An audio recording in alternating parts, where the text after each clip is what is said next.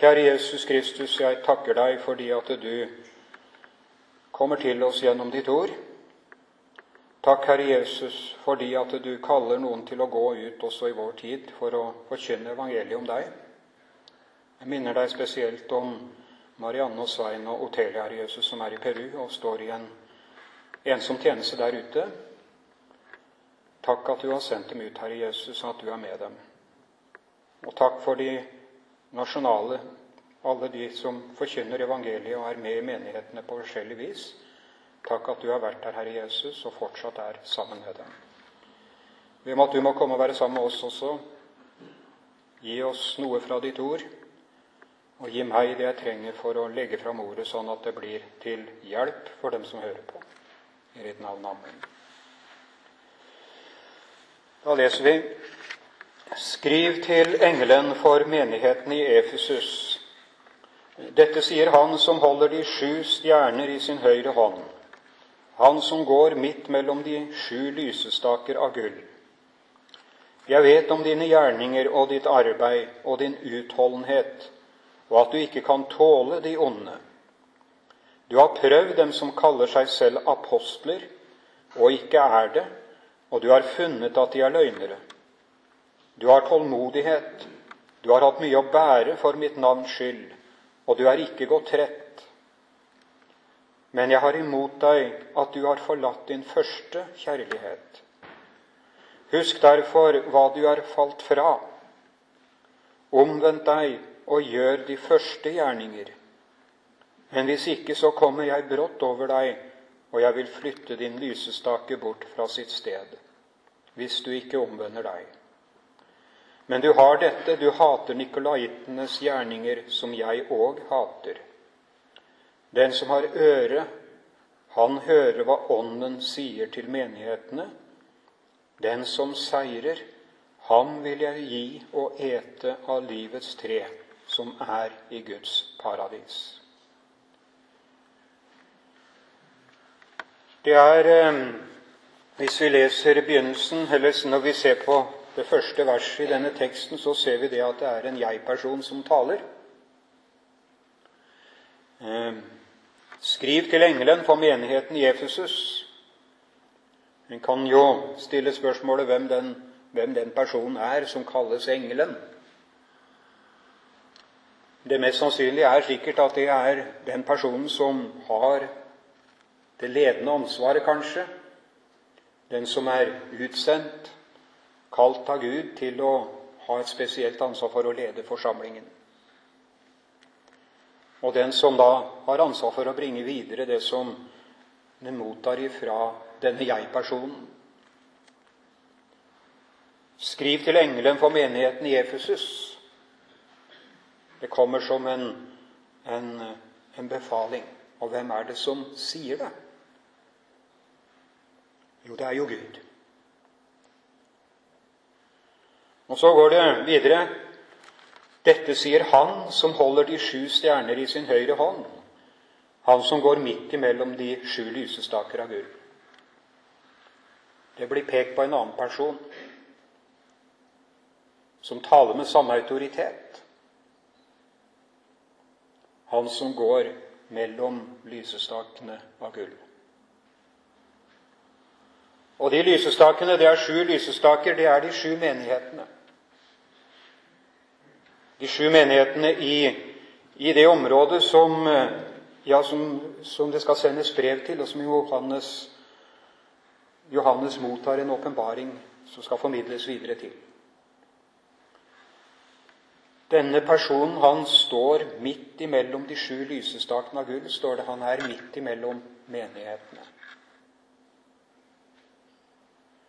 Han som er i himmelen, taler og peker på Han som står midt imellom menighetene. Og det er Guds sønn Jesus Kristus. Og så står det helt avslutningsvis vi skal høre hva Ånden har å si. Av og til så ser vi det at uh, i tekster i Bibelen så, så reflekteres dette med, med at Gud er én av tre. Gud er treenig er Faderen som taler. Han taler gjennom Sønnen og gjennom Ånden. Og Det er disse tre som vitner, det er de som taler. Samstemt. Og i Jesus Kristus så er Gud til stede i menigheten. Og det tror jeg vi godt kan ta litt inn over oss. Gud bor sammen med de som tilhører ham, som kommer for å høre Guds ord, og som kjenner hverandre som troende brødre og søstre. Vi er ikke aleine. Men den allmektige Gud er med oss. Og han har også omsorg. Han ser helt til bånns i det som, ja, som vi da kanskje kan diskutere oss imellom,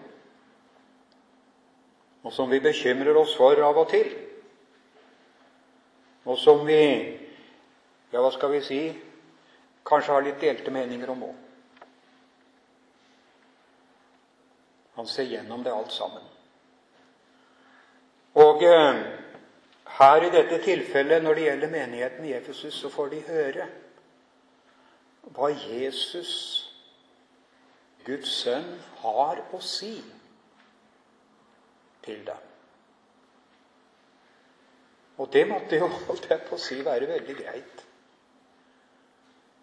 At Gud på en måte åpner stemmen og taler. Og sier oss noe.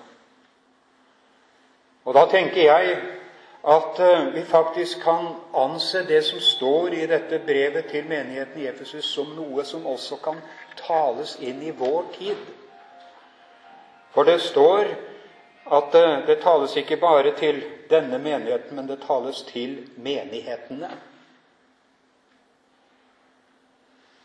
Det sies noe om, om noe som, ja, som skjedde den gangen og som vi godt kan si var et problem den gangen i menigheten, og som også gjentar seg og kan komme tilbake eller oppstå også i vår tid.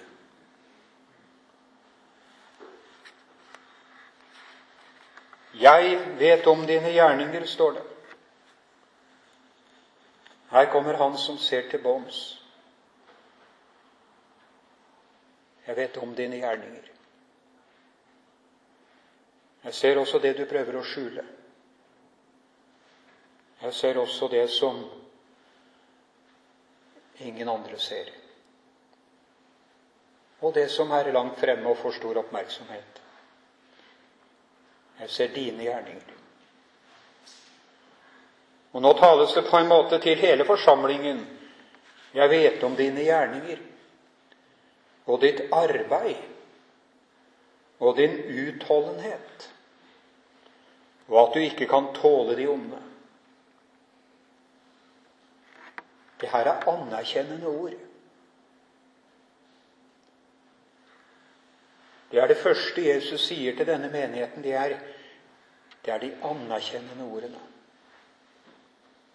Og Det ser ut for meg som det går som et mønster gjennom alle disse sendebrevene som vi kaller, at han, at han ofte begynner med det som, som er anerkjennende.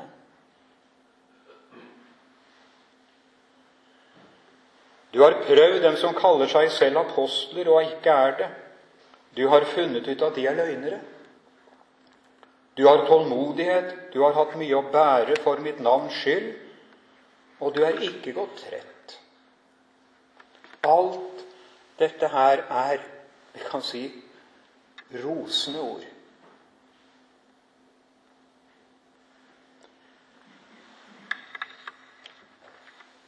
Hvis vi går til apostlenes gjerninger og prøver å skaffe oss litt mer kunnskap om denne menigheten i Efesus, som dette brevet sendes til Dette er Efesus var jo, er jo, ja, den, er jo den er der ennå.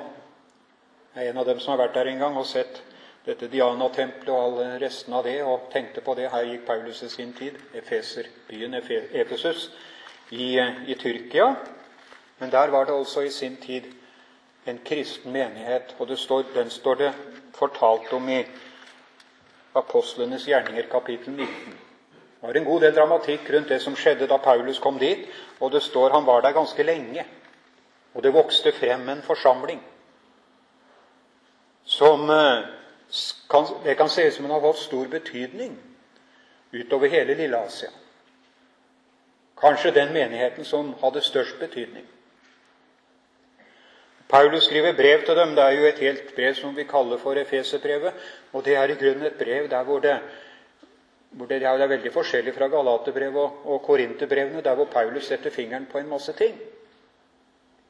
Efeserbrevet, det, det, er, det er sendt til en menighet der hvor, han, ja, hvor det ikke er så mye, mye å sette fingeren på, får man inntrykk av. Det er et fantastisk brev å lese. Og Hvis vi går til apostlenes gjerninger og, og, leser litt om hva som står der, om uh, hvordan Paulus forholdt seg til denne menigheten Det står om det i kapittel, i kapittel 20. At uh, han, når Paulus var på, var på reise, ja, så var han innom der, og så møtte han de eldste i Efesus. Og så formante han dem. Han uh, vi kan godt si advarte dem imot noe av det som kunne komme.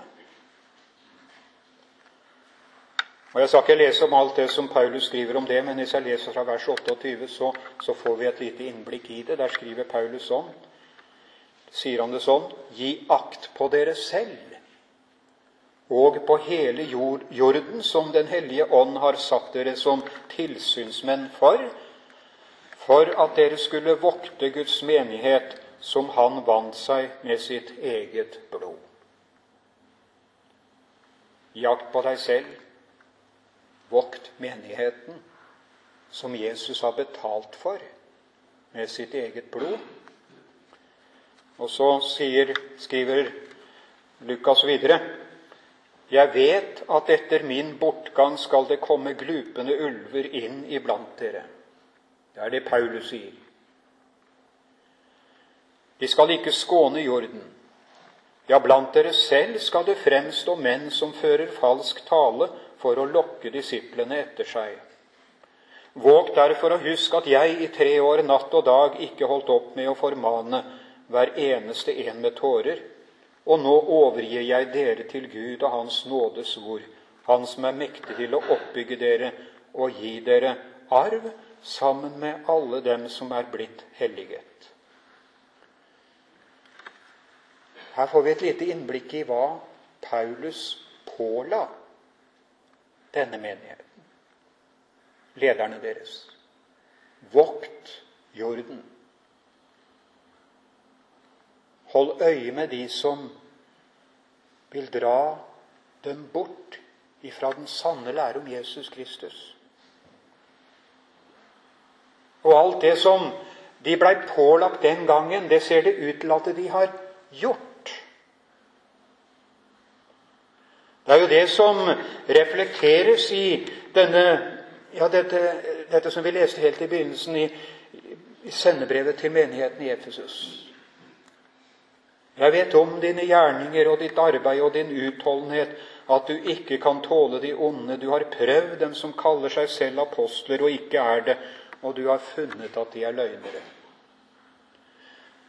Dette er noe som de får ros for, og det var helt i samsvar med det de blei pålagt da Paulus hadde sin siste samtale med dem.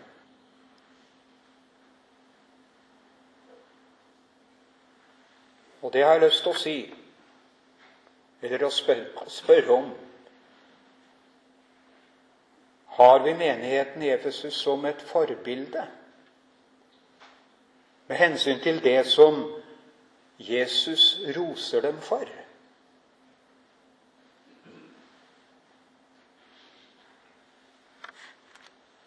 De vek ikke av fra å advare mot det som ikke kunne å si, være i samsvar med Guds ord. De hadde identifisert noen personer som utga seg for å være apostler Jeg undrer meg litt over at det var sånn den gangen òg.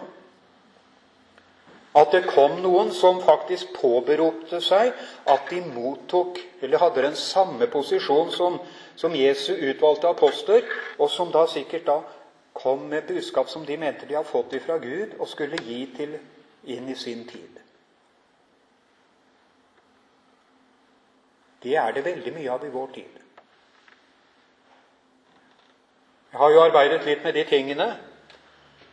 Og eh, det står jo med rene ord i en rekke av disse amerikanske bøkene om at Gud fra ca. 2000 20 år siden så har Gud, reiser Gud opp nye apostler og nye profeter som har samme autoritet som apostlene i som, de bibelske apostlene.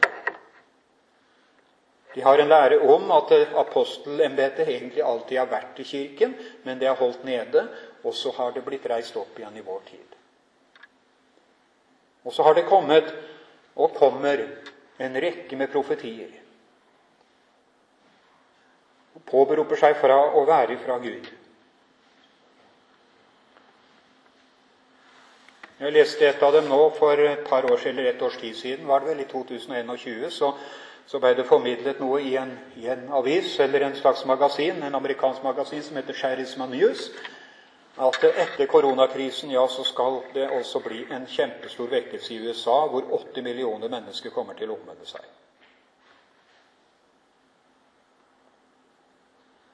brukes voldsomme tall.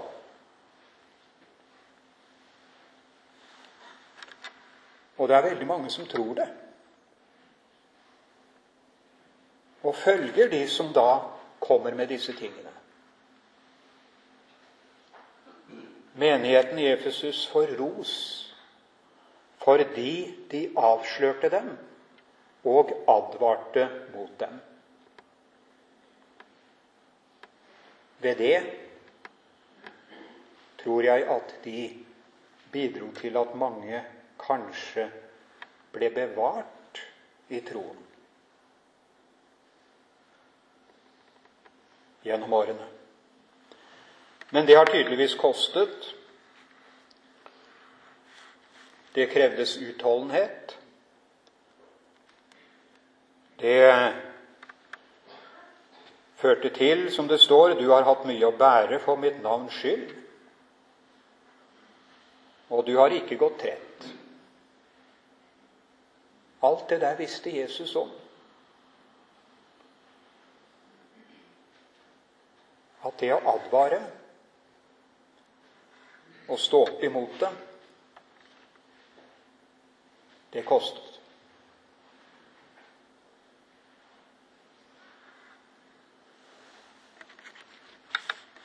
Men så har Jesus noe å si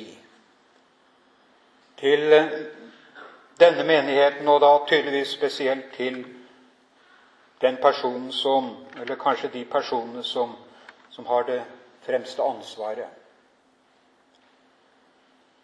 Det er noe jeg har imot deg. At du har forlatt din første kjærlighet. Og det der er jo på en måte veldig overraskende. For eh, ja, det kommer liksom så brått etter at det, alle disse rosende ordene er talt. Men kanskje er det sånn at, eh, at, det var nettopp når de da fikk den anerkjennelsen for det de hadde gjort, at de var åpne for å motta det ordet som var så alvorlig. Du har forlatt din første kjærlighet.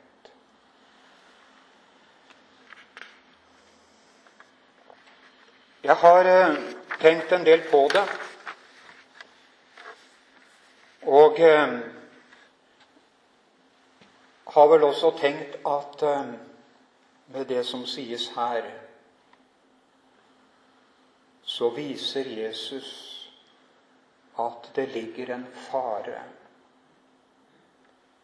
også i det å befinne seg i denne, la oss kalle det kampsituasjonen.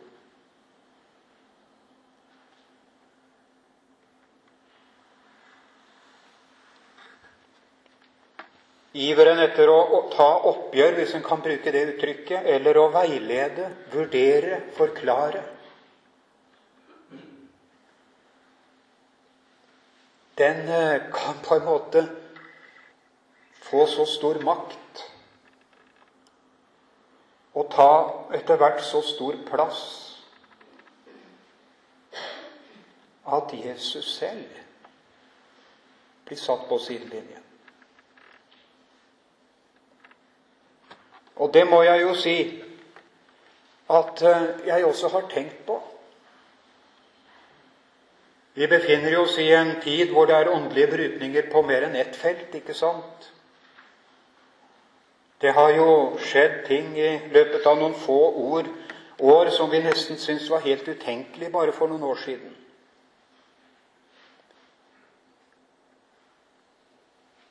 Det er eh, på en måte Jesus har blitt fremstilt på Ja, jeg vil ikke bruke ordene engang. Leser om det i avisene. Jeg husker en gang når jeg sykla på jobben, ja, så, gikk, så tenkte jeg på det. Tenk hvis, tenk hvis, noen hadde omtalt Sokrates, den store filosofen, sånn som de omtaler Jesus. Og sagt at du kan ha en Sokrates som passer akkurat slik som du vil ha den. Du kan lage deg din egen Sokrates. Da tror jeg det at de aller fleste professorer innafor de fakultetene hvor man arbeider med filosofi, ville satt på bremsen og sagt nei, vi må holde fast på den historiske Sokrates. For hvis ikke vi gjør det, så mister vi i grunnen alt det som denne Sokrates gav oss. Hvis jeg skal konstruere et bilde av en historisk person, som i grunnen passer akkurat slik til som jeg vil ha den, ja, nei, da, da har du beveget deg helt bort ifra det som er sannheten. Ja, men det gjør man også med Jesus. Du kan lage en Jesus sånn som den passer seg for deg selv. Men den historiske Jesus som står åpenbart om i Skriften, og som er i himmelen, ja, han kan man liksom bare legge på skyve bort og si det var datidens forestillinger om Jesus.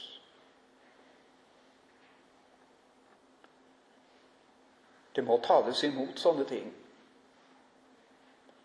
Men i kampsituasjonen så kan det bli sånn at han vi forsvarer, og han som vi på en måte ønsker å stille opp for, at han faktisk ikke blir den jeg forholder meg til slik som jeg skal.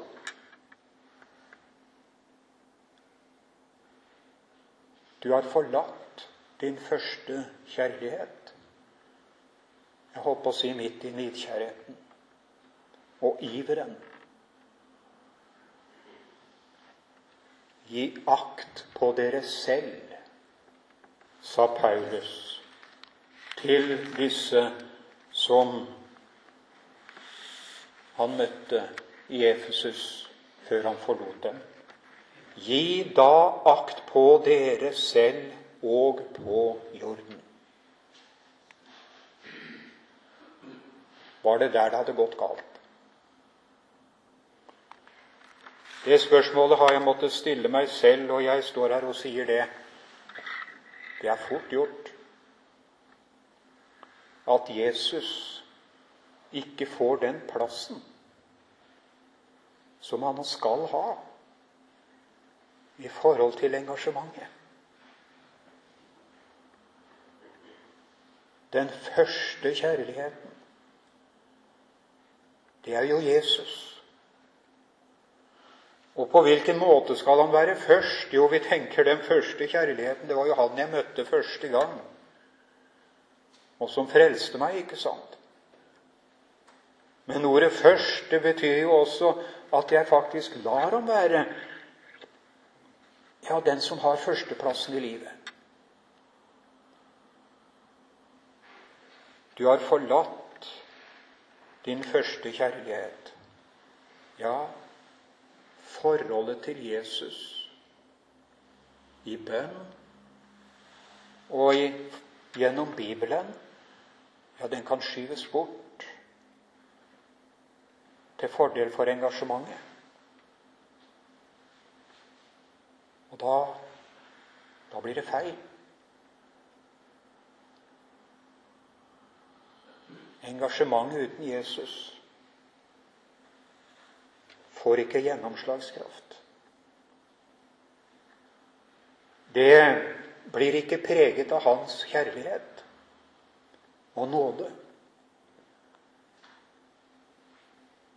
For det er ikke noe vi kan ta oss til. Det er noe som må bli gitt. Bli meg, sier Jesus, så blir jeg i dere. Og bare da kan dere bære frukt. Og det må vi ikke glemme i vår tid.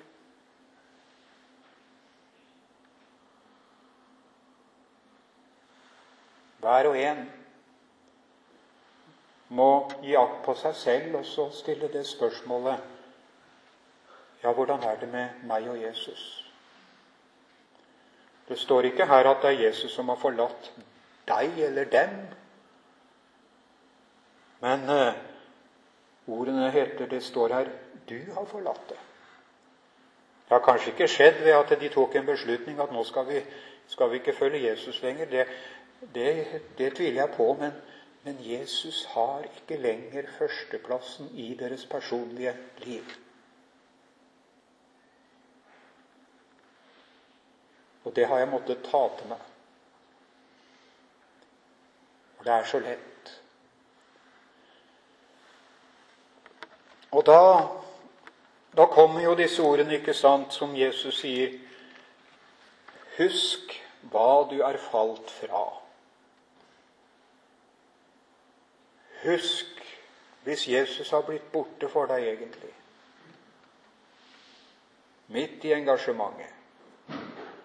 Så husker du kanskje hvordan du hadde det med han en gang.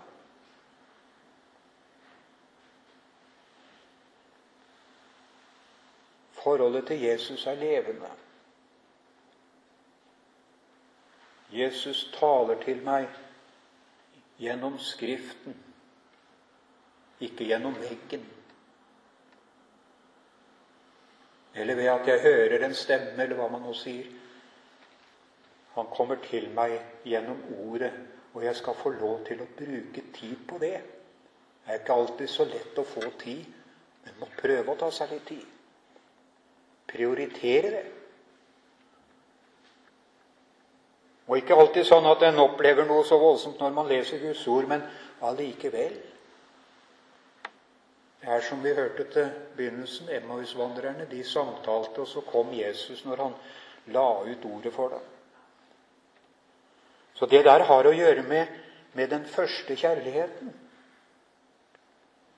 Det er kjærligheten til Jesus som blir til i møte med Ordet. Og når jeg sier Ordet, mener jeg Skriftens ord. Og vi kan godt si forkynnelsen ut ifra Skriften. Vi skal ikke søke Jesus andre steder. Vi skal ikke bli så opptatt av hva en kan oppleve, eller hva det nå er. Men mitt forhold til Jesus er i Hans ord. Og nå inviteres du til det. Og hva er det han vil gi deg? Jo, han vil gi deg sin nåde og sin frelse. Han taler ord som kan gå ja, kan være harde og strenge. Vi kan kanskje oppleve det sånn, men, men det er kjærligheten.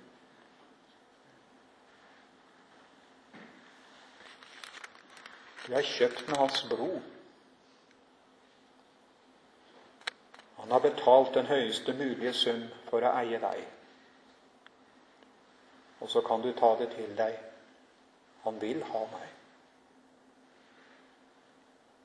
Og du kan komme med alt som er vanskelig, og som du føler deg dømt av, hva det enn er. Det er den første kjærligheten til Jesus. Du med nåden, jeg med skammen, og hvor vi likevel passer sammen. Det er ikke alle som vil være i det forholdet til Jesus lenger. Det er nåden egentlig bestemmer forholdet. Men det er det han innbyr oss inn i. Og det ligger som en, si, en tendens i vår tid, det òg, at nåden Ja, det søker ikke det moderne mennesket, blir det sagt. Nei. Men det betyr jo ikke det at ikke de trenger det. Du og jeg trenger det. Og nå, med alt vårt engasjement og vår iver og holdt jeg på å si ja, vår iver for hva som er sant og rett, ja, så vil Jesus ha oss enda nærmere. Han vil vi skal få leve i forholdet til ham og vende tilbake til hans kjærlighet til oss.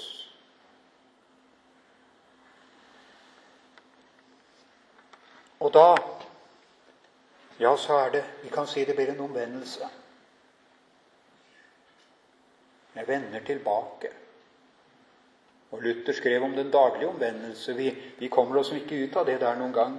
Men så står det 'omvend deg og gjør de første gjerninger'. Det var forskjell på de gjerningene de gjorde etter at Jesus hadde kommet bort, og faktisk de hadde blitt så opptatt av sine ting at Jesus ja, de var ute av forholdet til han. Da blei ja, ble det de sa og gjorde Det var ikke lenger preget av Jesu kjærlighet. Og det, det hadde ikke gjennomslagskraft. Gjør de første gjerninger. Vend tilbake til Jesus, slik at han får prege deg, og også får bruke sin kraft og makt gjennom det du sier og gjør. Jeg måtte ta det til meg sjøl. For det kommer dette voldsomme ordet. Hvis ikke, så kommer jeg brått over deg, og jeg vil flytte din lysestake bort fra ditt sted hvis du ikke omvender deg.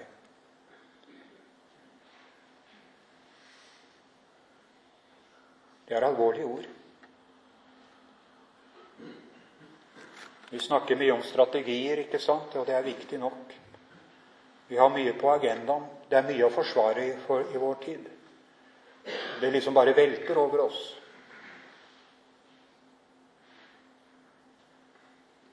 Men midt i alt det så må vi ikke glemme det forholdet til Jesus Kristus som han vil at vi midt i denne striden skal få hvile i.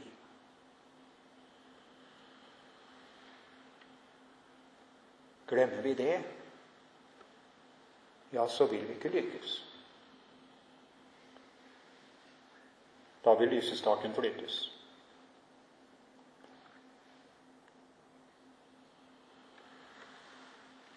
Det er på det planet det mest avgjørende ligger. Forholdet til Jesus selv. Den som har øre, står det helt til slutt. Han hører hva Ånden sier til menigheten. Den som seirer, ham vil jeg gi å ete av livets tre, som er i Guds paradis. Ja, hva er det seirende kristenlivet for noe? Det har vi vel våre forestillinger om. Men det det handler om her, det er også å gå gjennom verden og ikke slippe det jeg har fått av Jesus. Når Paulus bare har en kort tid igjen, da skriver han om det at seierskransen ligger ferdig. Jeg har stritt den gode strid, sier han, og bevart troen. Tenk, Paulus skrev det. Så ligger da rettferdighetens krans rede for meg. Vi går gjennom livet på forskjellige måter. Og en seiersgang i menneskelig forstand er det så visst ikke bestandig. Vi har både oppturer og nedturer. Men den seieren det handler om her, det er den Jesus har vunnet for oss.